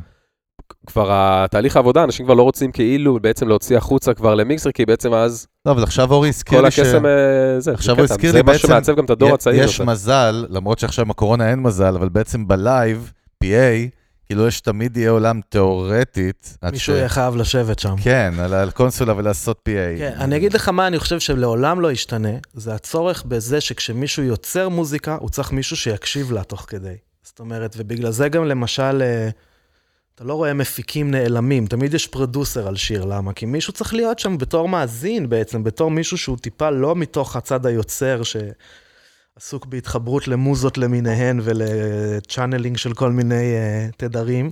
תגיד לי, אורי, ה- ה- כמה זמן אתה בארטליסט? תכף שנתיים. אה, זה כבר חבילה. אה, בעצם, ש- שעברת לשם, החלטת שאתה נוטש מה שנקרא את כל הקריירה, או שאתה משלב, או איך זה עובד? תראה, זה היה? רגע מאוד מעניין, כי בעצם מה שקרה זה ש... אני יכול לספר את זה, אני מניח, יאללה. פנו אליי, בהתחלה סירבתי. זאת אומרת, לא כך הבנתי מה קורה, לא ידעתי מה זה בדיוק, ו... ונפגשתי איתם, והם היו מאוד חמודים כמובן, אבל כזה אמרתי, לא, אני, היה לי תוכניות, רציתי לפתוח לייבל ולהמשיך בסליק, והיה לי כל מיני, היה לי ככה רשימה של רעיונות לפרויקטים ודברים וזה. ואמרתי לא, ויותר מזה, שכחתי מזה, שזה לא משהו שהוא רגיל אצלי, אני בדרך כלל אומר כן, זאת האמת. אני מאוד... הם yes. גם היו במקום אחר באמת לפני שנתיים, זה עולם אחר ממה שזה אה, היום. נכון, אבל לא, זה כבר היה בתודעה. מספיק מרשים, וגם כן כבר הייתי מעורב באיזשהו סטארט-אפ מוזיקלי אחר קצת, ולמדתי המון. אני כן יכול להגיד לך ככה, במשך כמה שנים שהייתי בסליק האחרונות, היה לי מין עכבר כזה שרץ בראש ואמר, אתה חייב גם, אתה חייב להתפתח. זאת אומרת, הרגשתי שהגעתי לאיזשהו מיצוי מאוד גדול של מה שעשיתי כל החיים, כי פתאום היה לי את האולפן שלי ואת המקום שלי, וגם יכולתי לארח המון המון אירועים מוזיקליים בעצם, או, זאת אומרת, המקום הזה כן היה קרקע מאוד מאוד פוריה ליצירה, ובאמת שעל זה אני לא, לא יודע איך להודות על זה מספיק, על מה שהיה שם בשבע שנים האלה. אני חושב שאני עדיין ב processing של מה שהיה שם כל השבע שנים.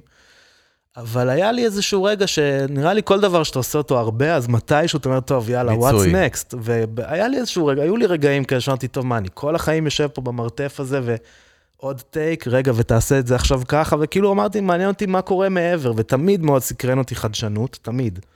גם כשרציתי את הפורטרק, זה היה חדשנות אז, כן? שלילד יהיה פורטרק. ו... אז, אז כן היה לי את הגלגל הזה, ועדיין כשהם באו אליי בהתחלה אמרתי, לא, מה פתאום, אני לא אעצור עכשיו הכל, כי הם רצו, אמרו, זה פול און, זה לא עכשיו, אתה לא בא לעזור לנו, אתה בא להיכנס לזה, אתה עוצר את מה שאתה עושה ואתה נכנס לארטליסט, כי זה משהו עצום. גם יש איזו דעה קדומה גם למי שעושה מוזיקה, שמאוד כאילו בא מעולם האומנות והמוזיקה והעשייה, שמדברים איתו על, אה, בשטחיות, למוזיקה למדיה, למוזיקה לפרסומות, יותר- למוזיקה שזה, אז תמיד נכון, המוח, המוח מזה. האומנותי הולך למקום שכאילו אתה אומר, אני אה, זה אגיד- כאילו זה- כאילו זה זול. אני אגיד כן. לך גם יותר מזה. נו. פה זה שיפט של אני עצמאי, אני כאילו פרודוסר, אני זה, אני הולך להיות שכיר באיזה נכון, חברה. אני בחיים לא יש הייתי פה שכיר ממש. of mind מאוד שונה, שאני בטוח שהוא לא קשור לעולם של אורי, כאילו בעבר, אז זה נכון. היה... אז באמת מה שקרה זה שאמרתי לא, ואחרי איזה חודשיים, פתאום אסי איילון, שהוא גם אחד באמת, הפאונדרס. וגם מוזיקאי, כן. אחד המדהימים שאני רגע, מכיר, דרך אגב, אתה חייב לומר. מזכיר לי רק עניינת של, לא עניינת של מאמר מוזכר, צריך לארח את אסי גם במיוזיק ביזנס, אני אה, חושב, הגיע. הזמן. הוא לא כזה אוהב לדבר, אבל... אין בעיה, אנחנו נכריח אותו. אה, ואז הוא פתאום, אחרי איזה חודשיים כמעט מהפגישה ההיא הראשונה, הוא פתאום מתקשר, אומר לי, אני מחר בתל אביב, אני חייב לבוא.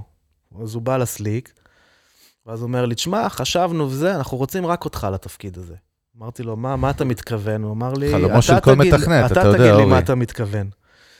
ואז היה לי לילה גם מהדברים שאני לא אשכח, שלא נרדמתי כל הלילה, כי אמרתי, רגע, אני מבחינתי הייתי על קו ישר כמו זה סרגל. לחסל את המותג כאילו של אורי לך- וינוקורט, שים לב. רעדו לו זה הביצים, אחי. לחסל את המותג, להשבית את המותג בשביל בסוף ככה, זה מה ללכת לעבוד להיות. שכיר, נכון? אה. יכול להגיד לכם בתקציר, תכף ננסה לספר על זה, זה התבדה ברמות הכי גבוהות שיכולתי לדמיין. אבל אז מה שקרה זה ש... ולשאלתכם, אם אי פעם לקחתי ייעוץ, אז דווקא בנקודה הזאת לקחתי יועץ אה, שמאוד עזר לי, מאוד מאוד עזר לי בנקודה הזאת להבין נכון את יוסי הדברים. פורקוש? לא? לא, לא. אה, מישהו אחר. ו... ממש התלבטתי, ואני זוכר מה עשיתי, זה דווקא סיפור טוב, כי אני חושב שיכול לעזור להרבה מתלבטים. יאללה. תן לנו. אה, ובאמת הייתי בהתלבטות, כי באמת עבדתי, כשאתה עובד כל כך קשה בלבנות משהו שאתה חושב שהוא שלך, או מרגיש שהוא שלך, מאוד קשה לעצור את זה, זה כזה נכון. לא דבר שקל. ואז אה, לא נרדמתי כל הלילה, שזה לא דבר רגיל לאבא לילדים בני שלוש, כי כשאתה יכול לישון אתה ישן. אני זוכר שאני ישבתי, אמרתי, הם ישנים, למה אני לא ישן? ו... זה החלטה הרת גורל ממש. וקמתי באיזה שלוש בבוקר, קמתי מהמיטה ואמרתי, אוקיי, הדרך היחידה שלך להחליט זה לנסות לשקף לעצמך את המציאות האמיתית שלך, לא את מה שאתה חושב בראש בדיוק. שקורה לך, אלא מה שבאמת קורה לך. ואז פתחתי את היומן, ולקחתי דף, חילקתי את הדף לארבע חלקים, ואמרתי, אוקיי, קצת דומה למה שדיברנו קודם. כל מה שעשיתי בשביל הלב, אני שם פה בצד שמאל. מה שעשיתי הכי פחות, אני שם בימין, ואז היה לי עוד תחנות באמצע. ואז uh, הלכתי שלוש שנים אחורה, וכל פרויקט שהייתי קשור אליו, רשמתי איפשהו בדף הזה. הדבר הראשון שאני זוכר, שאמרתי, וואו, עשיתי המון דברים בשלוש שנים, לא, אתה יודע, עד שאתה לא... שלוש שנים ובשלוש לפנות בוקר גם. כן. ואז הסתכלתי על הרשימה הזאת טוב, ואמרתי, רגע, בתכלס, אם אני מנסה להסתכל על, על הזמן, לא על הדבר, אז משהו כמו מה שאמרתי, ראשון עד רביעי אני יותר בצד ימין, ופעם בשבוע יש לי צד שמאל. אמרתי, רגע, תכלס, אולי אני יכול רגע לוותר על המאבק הזה של העצמאי, שכל הזמן מנסה ליזום וליצור לא פשוט ולעשות, הוא לא פשוט. בכלל, למי שרוצה לנסות הוא מוזמן, לא יודע איך זה עובד בימינו. אה, ואז אמרתי, you know what, אולי אני צריך להתחיל לחשוב על זה ברצינות, כי אולי זה יפתח לי איזה משהו, ואז התחלתי גם יותר להבין מה הם רוצים, והבנתי איזה חופש תנועה הולך להיות לי שם. קיצור, דיברת עם אשתך, נו. לא, דווקא לא. איש רע אתה, איש לא, לא, רע. סתם, האמת אני שזה... צוחק. לא, זה גם באמת- היא הייתה לא, לא. אמביוולנטית אני אגיד לגבי לך, זה זה קצת. באמת, אני מבין, שאלתי באמת את השאלה מה- מהמקום של המותג, כי באמת אתה, יש פה כל כך הרבה, אתה יודע, אם אני בנעליים שלו, אני אומר, רגע, אני כאילו יכול להיות שאני אעלם, ואחרי זה בכלל יפטרו אותי אחרי שנה, סתם הייתי שכיר, כמה שזה לא יהיה טופ היירינג, כאילו, פיירול, ובסוף כאילו אולי אני אעלם מהתודעה. אני, אני, אני מבין שיש פה כאילו המון המון משמעות למהלך הזה, זאת אומרת, הוא לא פשוט נכון, אני- בכלל. ומה שאני יכול אבל להגיד, אז באמת... קודם כל לא נעלמת בתודעה, הנה אתה פה. בלי עין הרע, ו... גילינו שזה עבד. אבל באמת, אז גם ההסתכלות הזאת פתאום ככה יותר מפוקחת על מה באמת, ולא מה אתה חושב יש שאתה בזה עושה. הרבה דמיון לפי מה שאתה אומר, זאת אומרת, אתה לא אובייקטיבי מאוד בשיקול דעת בנקודה כזאת, נכון? אתה צריך מבט מבחוץ. כן, ואז באמת גם נעזרתי בעוד מישהו, והוא אמר לי את המשפט, שזה הוא אמר לי, תשמע, הרכבת של המוזיקה נוסעת, היא כרגע עברה בתחנה שלך. אתה יכול להחליט מה אתה... אם אתה נשאר ומחכה לבאה שלא בטוח תבוא לו. כן. ו... ואז הבנתי שיאללה, אני עולה על זה, כאילו, מה יקרה? אני רוב החיים, כן, תמיד העזתי לזוז, כאילו, לעוד משהו, אז זה היה מין כזה, אבל בסוף החלטתי שאני הולך על זה, היה לי המון חששות. והיום אני יכול להגיד שהם התבדו בכל רובד, כי החשש הכי גדול שלי היה מה שאמרתם קצת, שאני לא את עצמי להתעסק במוזיקת ספרייה, שאף אחד מהמוזיקאים לא כזה שש להתעסק בהם. אז באמת הדבר שקרה בארטליסט שהוא בעיניי סוג של פלא מדהים, עד עכשיו אני חושב שהוא סוג של פלא מדהים, זה שפשוט קלטתי שאנחנו עושים מוזיקה מדהימה. כאילו שבעצם התחלנו להקים תשתית שהיום קוראים לה ארטליסט אוריג'ינל, ובניתי שם איזושהי תשתית לאיך לעבוד על הרבה מאוד הפקות במקביל, ואיך ליזום את הדבר הזה, בקיצר, אתה את עדיין זה. מתעסק בעולם שלך, באקוסיסטם שלך. אני מאוד בקריאייטיב מצד אחד, מצד שני אני מנהל אופרציה עצומת ממדים, שלא יודע אם הייתי יכול, אם היית שואל אותי לפני שלוש שנים אם כן. אני אשב על כזה מין דבר, לא חושב שהייתי יכול לדמיין. מדהים. אבל באמת מה שקרה, וגם קצת מה שגלגל אותי למה שאני מאוד מאוד עסוק בו היום, זה שפתאום אמרתי לעצמי, רגע, אני, קודם כל נתנו לי חופש תנועה מאוד מאוד גדול, והרבה מאוד אמונה בלתת לי לעשות את זה, וזה מאוד ריגש אותי ומאוד שימח אותי. וזה נתן לי גם להכניס הרבה מאוד כישרון, ופתאום הבנתי שרגע, כל החיים הייתי במין צ'ייס כזה, להביא את האומן הבא, ואז ללכת להבין מאיפה מביאים את התקציב, לעשות את זה, ופתאום, בואנה, התפלפ לי המצב. יש לי גב, יש לי תקציב, ואני יכול לעשות מוזיקה בלי כל הבעיות האלה, ופתאום כן. משהו נפתח לי, והתחלנו לעשות המון המון דברים, ואז קלטתי שרגע, בואנה, זה, אם רציתי להקים לייבל, הנה, מה, מה העניין? ואז בעצם נכנסתי למוד במשך שנה ומשהו, שאני יכול להגיד היום, ממש בשבועות האלה, אה, הפרויקט העצום הזה הגיע לסיומו ול, והוא קורה, אבל בעצם הקמנו record label לכל דבר, והפצנו את כל הקטלוג הקיים של ה Artlist Original, ואנחנו היום, כל הפקה שאנחנו עושים הופכת בעצם קודם- ל release. קודם לאלבום. כל, אז כן. אני רוצה בבקשה ל music business שיר מיוחד, אה, שאורי יכריח אנשים מאוד מוכשרים הנה, לכתוב אבל לנו. זה שאתה אומר שאתה משתמש הוא אחד מהם. אנחנו תגיד רגע, אבל, אבל אה, כן. באמת העניין הזה שכל אלבום שעושים אצלכם גם הופך להיות ריליז, ואני גם רואה את זה, אני כן. רואה את זה, גם זה עכשיו קורה, גם אנשים מוצאים זה, אבל זה, זה משהו שלא היה בהתחלה וזה הפריע ממש לאמנים, לא. זה, זה משהו ש... גם היום יש את האישיו הזה שהאמן מוציא, הוא, הוא מוציא את האלבום באופן עצמאי, והוא גם אצלכם, איך זה, לא ניכנס יותר מדי זהו, לחוזים פה, אבל אני יש פה... מפחד מזה קצת עוני, שזה לא יהיה חצי פרק. כאילו, סתם רק להבין, כאילו, את הקטע הטכני שבזה, שנייה, ממש ב-nutshell כזה, בעצם החלוקה היא בעצם על ה-master של השיר, אז אתם מתחלקים... מה שקורה בארטליסט original, וזה מעניין דווקא, זה כן נושא לשיחה טובה לפודקאסט כזה.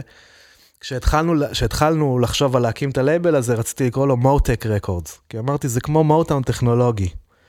וזה באמת, באופן מאוד מאוד מעניין, בעצם המודל בסוף הוא סוג של hybrid של מה שפעם היה record label של שנות ה-50, 60, 70, עם יכולות uh, מודרניות. אבל בעצם מה שקורה בארטליסט original זה שאנחנו יוצרים תוכן מקור. זאת אומרת, המהות של האופרציה הזאת זה לייצר תוכן ששייך זהו, לארטליסט. למי שלא יודע, בניגוד למודל השני והראשוני שלכם, ששם בעצם אומנים מכל העולם יכולים אה, להציע לכם. זה לא מדויק את לגמרי, השירות? כי הפלטפורמה התחילה משירים שאסי ואייל, שהוא לא, גם אחד הפאונדרים, עשו, זה- והוא תוכן אבל מקור. זה ברור, אבל בסוף, רוב הבשר של ארטליסט היה עד לפחות עד היום ה-originals. גם, זה 80 אחוז תוכן מבחוץ, והיום אנחנו מבחוץ. 12 אחוז מהקטלוג זה original. שורה תחתונה, מי שמוציא כן. בעצם אלבום תחת ה...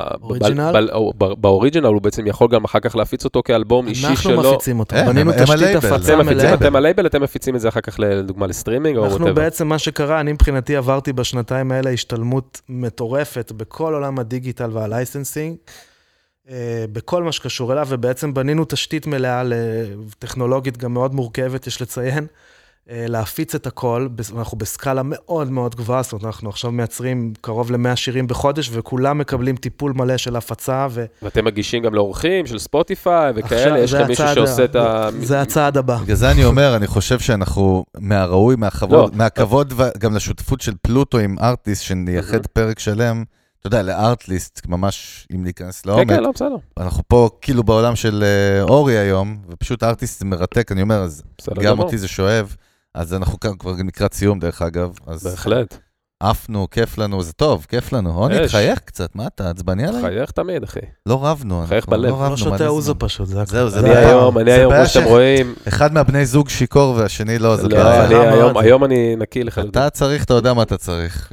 אני יודע מה, נדבר על זה נדבר אחרי על זה זה. אחר כך, כן. כן, אבל בקיצור, אה, אה, באמת, אם נסכם את הנקודה הזו, דרך אגב, זה מרתק שחבר יקר של הפודקאסט, master סיימון ויינשטוק, שהיה פה אחד מה... אני מניח שאנשים שגם אתה אה, איכשהו צרכת או גדלת עליו, לא צרכת עליו, צרכת אותו הכוונה, סליחה. אה, אחד מהטכנאים הגדולים בישראל, הוא גם סיפר לנו שהוא עובד היום עם Waves. אנחנו רואים משהו יפה, שבסוף אותה טכנולוגיה שכאילו באה וחיסלה, היא היום... היא באה ולוקחת את כל המוחות. אני, גם פה, ואני רואה את תרשה זה לי, כאיזה אני אצטט מבורך. חבר יקר בטח. שאמר את זה? בעיניי הכי טוב. לא, איתי מאוטנר, לא יודע, הוא לא כזה, הוא איש תרבות, אה, כן. חבר יקר. הוא פעם אמר לי, אתה זוכר איך בשנות ה-90 כולם צחקו על החנונים האלה, שכל הזמן, על הגיקס, באמת, בטח. כן, הגיקס היו שהם כאילו הבדיחה. ואז בשנות ה-2000 פתאום הם נהיו האנשים הכי עשירים בעולם. נכון? הוא אומר, ותראה עכשיו איזה יופי, פתאום החנונים האלה, הם צריכים אותנו עוד פעם, כי הם צריכים תוכן לכל הטכנולוגיה הזאת שלהם. חזק, אז אני חושב ש... חזק מאוד. אנחנו חיים בעידן אה, מרתק, יש לומר, שבו הטכנולוגיה באמת, באמת מתחילה לפגוש חזרה את, את, העולם, את, את עולם התוכן במלואו. וכמו בכל שינוי, וזה גם מאוד מעניין להסתכל על זה בהיסטוריה של המוזיקה, בעצם, אם אתה מסתכל על זה, כל איזושהי תקופה, יש שינוי במדיום, יש שינוי באופן הצריכה של המדיום. פלטפורמות, כן.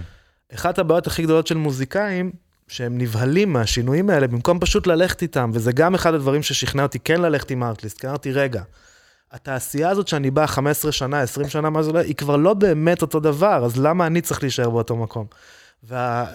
והסיפור שאני אוהב לספר זה שלא הרבה אנשים יודעים את זה, אבל כשהמציאו את הווייניל הראשון הביתי, זאת אומרת, את הפטיפון הביתי הראשון, איגוד הנגנים בארצות הברית יצא לשביתה, כי הם אמרו שאף אחד לא יבוא לקונצרטים. מדהים.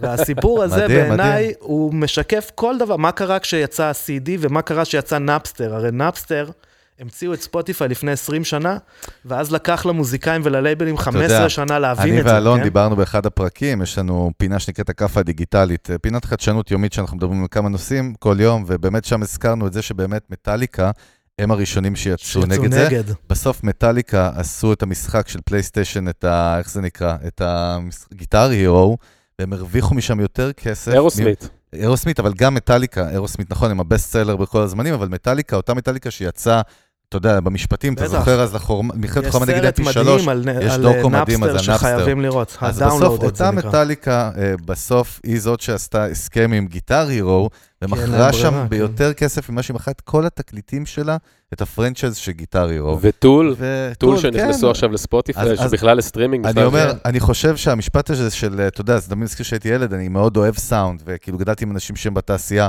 תמיד היה דיבור על זה שסאונד חם, סאונד מחשב, סאונד קר. קוסומו, זהו, די, נגמר, חלאס, נגמר כאילו. הסיפור, זה sorry to היה. זה נכון, אבל כאילו, חייבים להתאים את עצמנו, ובאמת, הפלטפורמות משתנות, ההתנהגות האנושית לא משתנה, זה מה שאני גם... נכון, ובאמת מה לי. שאני מנסה תמיד, גם עוד לפני תקופתי בארטליסט, הייתי מאוד מנסה לדבר על זה עם האמנים שעבדתי איתם, זה כן. בעצם להבין שאתה בעצם, תמיד מוזיקאים רצו את אותו דבר, אתה רוצה ליצור, אתה רוצה שישמעו אותך, זה המדיום הזה, באנשים, נכון? זה משהו שתקוע באמצע והוא כנראה תמיד ישתנה, אנחנו נראה לי לא יכולים לדמיין לאן עולם התוכן הדיגיטלי בכלל הולך, אם אתה שואל אותי, שיר הולך להפוך להיות משהו די מינורי בתוך חוויה הרבה יותר גדולה שהולכים למכור לאנשים.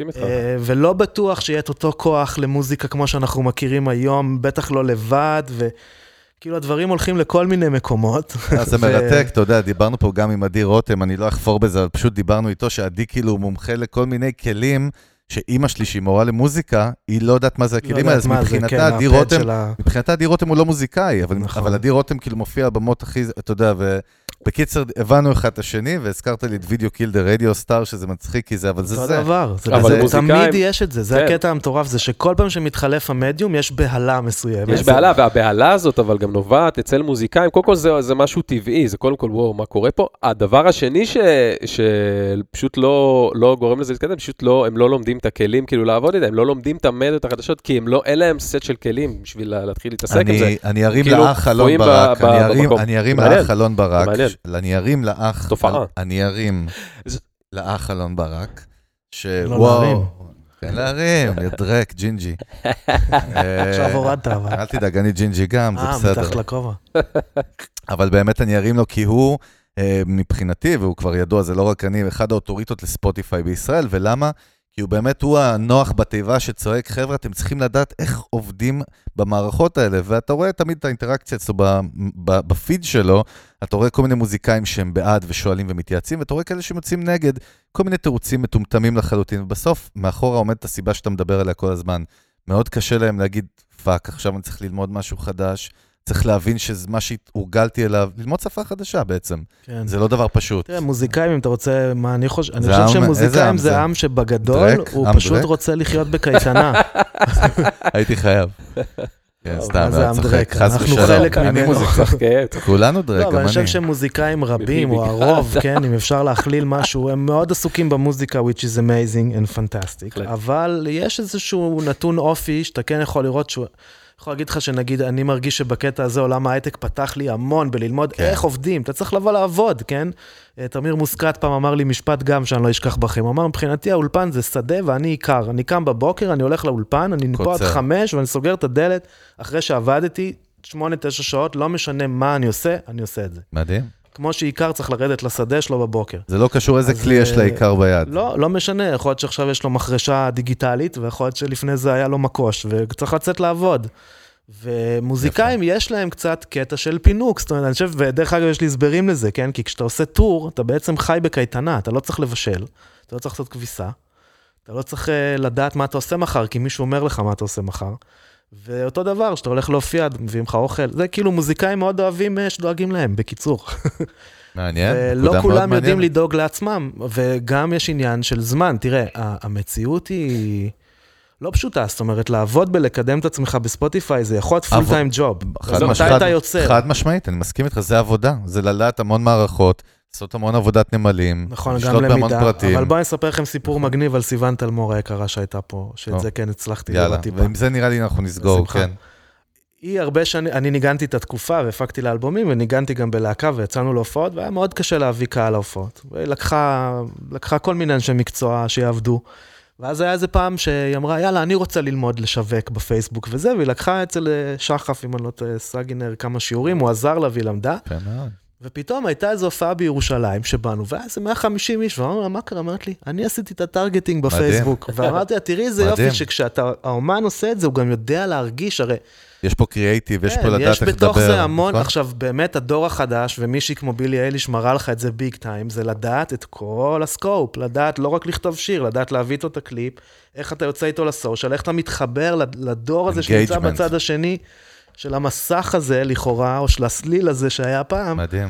מה הוא צורך, מה הוא רוצה, איך אתה מגיע אליו באמת, אז אתה כאומן צריך לדעת את זה, כאילו, כן. אתה צריך להכיר את ה- משהו שאי אתה אפשר צריך לא להכיר, לעשות. את ה, להכיר גם את, ה- את הצד השני, להבין את, המ, להבין את המאזין, לבוא, לבוא גם מהצד השני, לבוא הפוך. לפעמים יש כל מיני שיטות של שיווק גם באמת, בעיקר ב-streaming, כי עכשיו אנחנו בוא, חצי שנה האחרונה, מי הופיע? אף אחד לא הופיע, אז הדבר הזה נתן boost מטורף, או שנתן boost גם בקטע רע, להרבה מאוד מוזיקאים, להבין איך העולם הדיגיטלי הזה מתנהל, ואיך אתה יכול לייצר כאילו אשכרה engagement, גם מחו"ל אגב, גם אמנים שעושים מוזיקה בעברית, יכולים להגיע גם לקהל בחו"ל היום, גם בדיגיטל, לאו דווקא. פעם זה היה הרי הפוך, פעם היית עושה מוזיקה בעברית בארץ, אמרו לך, אה, יש לך סיכוי וזה, אתה עושה מוזיקה באנגלית, איפה, אחי, זה, יש פה קהל. היום, היום ב-streaming, אתה עושה מוזיקה באנגלית, לא משנה עכשיו איכות וטעם וזה, יש לך לך- העולם עובר סיכוי גלובליזציה, להגיע. להרבה יותר קהל, גם אני- ב-worldwide, אני כאילו. חושב שנסכם את זה. איך אמר לי חבר טוב, שהוא אחד מהאנשי פרסום והשיווק הגדולים בארץ באמת. הוא אמר לי, דווקא על, על תעשיית המוזיקה, פעם דיברתי איתו, אני זוכר, והוא אמר לי, ההבדל בין פעם להיום הוא אחד. זאת אומרת, פעם היו גייט קיפרס, ובאמת אחד למיליון היה מתקבל ללייבל שהיו בונים ממך את הבון ג'ובי. עוד פעם אמרתי בון ג'ובי, איכשהו תמיד... יאללה, בכיף. כל פרק איכשהו אני דוחף את בון דומה לו ג'ובי. קצת. לא, הוא מתעצבן, למה אני כל פעם דוחף את בון ג'ובי לפרק. אני לא כזה אוהב אותו כן. באמת. אבל כולנו גדלנו על זה, בוא כן. נודה, אנחנו בדור It's הזה. my life, not yours. אה, בקיצור, אז אז פעם באמת היית צריך גייט קיפרס שיעצבו ויהפכו אותך לסופר סופר הירו, אם בכלל, והיום בעצם שהדלתות פתוחות, כולם בתחרות. זאת אומרת, עכשיו אתה צריך, you need to stand out, יש לך עכשיו 5,000 מוזיקאים ברוסיה ו-20,000 בניגריה, ו-40, ואתה מתחרה עם כולם על אותו סלוט, אז אתה חייב לשלוט ולהיות שונה, וזה גם מאתגר בצורה אחרת. כמה אתה שומע ומעודכן היום במה שקורה אלון. בסצנה? לא, מעולה, אחלה, אחי, אז אחלה. תגיד יציאה. משהו. יציאה טובה. האמת שבזכות, חייב להגיד באמת, בזכות הארטליסט, אני. מבלה זמן רב בלהתעדכן בכמה שיותר, שלא כן. היה לי את הזמן הזה כמפיק זה עצמאי העבודה שרץ שלך, אחרי זה הזה. כיף. וזה כיף גדול, והנה למשל השיר הזה, באמת שמתי לב אליו לפני, וגם בילי אלי, שאני זוכר איך שמתי לב אליה חודשיים לפני שהיא הייתה בטופ וזה, וזה נורא כיף, ו... כן, וזה באמת, אני יכול להגיד לכם ככה, עם כל השינויים ועם כל הזה, a good song is still a good song, thank God, זה לא נהרס. זה מעניין מה שאמרת, רק אם מותר לי להגיב על זה, כי... חובה, מה זה יוצאים היום מותר? ביום, למי שלא יודע את המספר, יוצאים בין 20 ל-40 אלף שירים ביום זה פסיכי. לפלטפורמות ה-streaming, ודרך אגב, ממול זה בעולם הוידאו, ביוטיוב עולים קרוב למעל 100 מיליון שעות של וידאו ביממה. כן. שזה כדי לשים אותך פסיכי. במקום, כל החיים שלך זה פחות מ-100 מיליון שעות. אז אה, לא היית יכול לראות מה שעלה ליוטיוב ביממה, אם גם אם היית יושב כל החיים רק לראות את היממה הזאת של יוטיוב. וזה דרך אגב, אולי לא נספיק כבר לדבר על זה, אבל זה מה שכל כך מסקרן, כי מה קורה היום בעולם הדיגיטל? הכל מתחיל להתחבר. ואז משהו טוב יכול להתחיל לצוף מכל מיני כיוונים, הוא יכול להתחיל לצוף בכלל מאיזה סרטון של מישהו מארטליסט, ויש לנו סיפורים כאלה, שמישהו בחר שיר לסרטון, והסרטון הצליח, והסרטון יש Shazam, אנשים עושים Shazam, מגיעים לספוטיפיי של האומן. האומנים של ה Artlist Original, יש לנו אומנים שהכפלנו להם את המספרים בספוטיפיי במאות מונים, אני לא עובדים עם מגזים. טיקטוק אגב? כן. ו... ובקיצור, אני בא לומר שה standout הזה זה לא רק להיות שונה, זה גם להיות טוב, כי כאילו, רק להיות, משמעית. הרבה מאוד אנשים מתבלבלים עם הלהיות שונה הזה. לא, לא, אני, אני אולי לא- החסרתי את זה, אבל ודאי שלהיות טוב זה, זה כאילו... זה לא הכ- תמיד להיות שונה, זה כי הנה הראשון. נגיד, אה, אתה יודע, אם אתה מסתכל what's on top of the charts, בגדול היום הכל זה טראפ, כן? גם, גם הפופ הכי גדול הוא בעצם trap beats, כולם משתמשים באותו 808, עם אותו אפקט על ה hat, עם אותו זה. אז זה לאו דווקא השונה, זאת אומרת, יש כאן עניין עם איזשהו edge שצריך לדעת, ואיך אתה בולט בתוך כל הדבר הזה, ו- ובאמת, בעיניי, איך אתה... שלם גדול מסך חלקיו. איך אתה מדרייב את ה ecosystem. זה לא רק הפלייליסט בספוטיפיי, זה לא רק. הלדחוף, ו... יש גם הרבה כסף מעורב. פה בסיפור הזה, גם בקטע גם, של ה... נכון. מיליארדים, מבסוט? סתם. טוב, אנחנו נ- נצלול לקראת סיום, ויש לנו את שאלת הזהב שלנו. אה, יש עוד שאלה? אני זה- רואה שאני גיליתי שהמאזינים שלנו אוהבים את השאלה הזאת, אתה הראת לי את זה, דרך אגב, מכמה מאזינים, כן. אז אנחנו נעשה את זה קבע. סתם דרמה עשיתי עכשיו כמו גולדה. אני רק צריך להיזכר מה השאלה. לא. לא רשמת בטלפון? או- מת עליך. אין עליו, תדע לך הג'ינג'י הזה. לא, באמת. אז אני באמת רואה שהאוזו אנחנו... מתחיל אני להשפיע. אחרי כך. לא, אל תדאג, אנחנו רוסים, צריכים בקבוק וחצי. אה, אה, אתה. אני. אבל באמת, אה, השאלה היא בסוף, אה, יש מוזיקאים ואנשים מהתעשייה שהם בהתחלה, והם כן רוצים להיכנס ל industry הזה בצורה מקצועית, או semi מקצועית נקרא לזה. מה ה-2 סנט שלך, אם אני צריך לרכז את כל הניסיון חיים של אורי וינוקורט ה-20, או אם נגדיר את זה מילדות, את ה... לא יודע כמה שנים, את כל החיים שלך, לאיזה, אה, אתה יודע, גולדן טיפ אחד, כאילו, מה, מה היום בעידן המודרני, בה- היום, הטיפ שלך למוזיקאי או למפיק או ל- לאדם הזה או לגברת אני הזאת. אנסה להשאיר את זה פשוט. כן, לקום כל בוקר, לצאת לעבוד בשדה ולחרוש אותו. האסל. אמ, לבנות דברים בסבלנות מצד אחד, ומצד שני לא להיתקע במקום, כי זה המון אומנים נתקעים. הקצב, צריך להתאים את עצמך מצד אחד לקצב, בלי ליפול. וזה לא פשוט. זה, זה מאוד קשה לענות על זה, אני מודה שגם ימי משמעית. הקורונה לא מקלילים על התשובה הזאת. לא, אבל הפוך, אני חושב אה, שדווקא ענית אותה בצורה אופטימלית, כי בסוף, שאם אם אתה פתוח לטכנולוגיות וללמידה, זה, תמיד זהו, תוכל זה לגלות הדבר, משהו שאתה הדבר יכול הבא ללכת שבאתי לשם. להגיד זה באמת לבוא open to learn. זאת אומרת, יש את הכישרון שאתה בא איתו, או מה שאתה כבר יודע לעשות, ותמיד יש מה עוד ללמוד. אני כל יום לומד משהו, מנסה, כאילו, מקווה להאמין שאני כל יום גם לומד משהו. ומוזיקאים לפעמים מאוד בתוך הלופ של היצירה או הדברים שהם עושים, וכן, היום חלק מהמקצוע הזה חד משמעית, זה לעשות עוד כמה דברים מעבר אה, לרק להקליט. ברוב המקרים לפחות, בסדר? כאילו, ברור שיש מצבים שאתה ברור. חתום ומסודר ודואגים לך, אבל בדרך כלל לוקח אה, דרך להגיע לא. לשם. התשובה היא בדרך כלל לא דואגים אה, לך כן, כן, לדאוג וזה לעצמך. זה, אני חושב, אם במשפט אחד, זה לקום בבוקר ולצאת לחרוש את השדה, ולא להתייחס לזה אחרת. זה לא תחביב וזה לא... זאת עבודה. וזה גם לא מגניב עובדים. תמיד, לפי מה שאתה לא, אומר. זה יכול להיות אה, קטסטרופה, מה זאת אומרת? מצוין.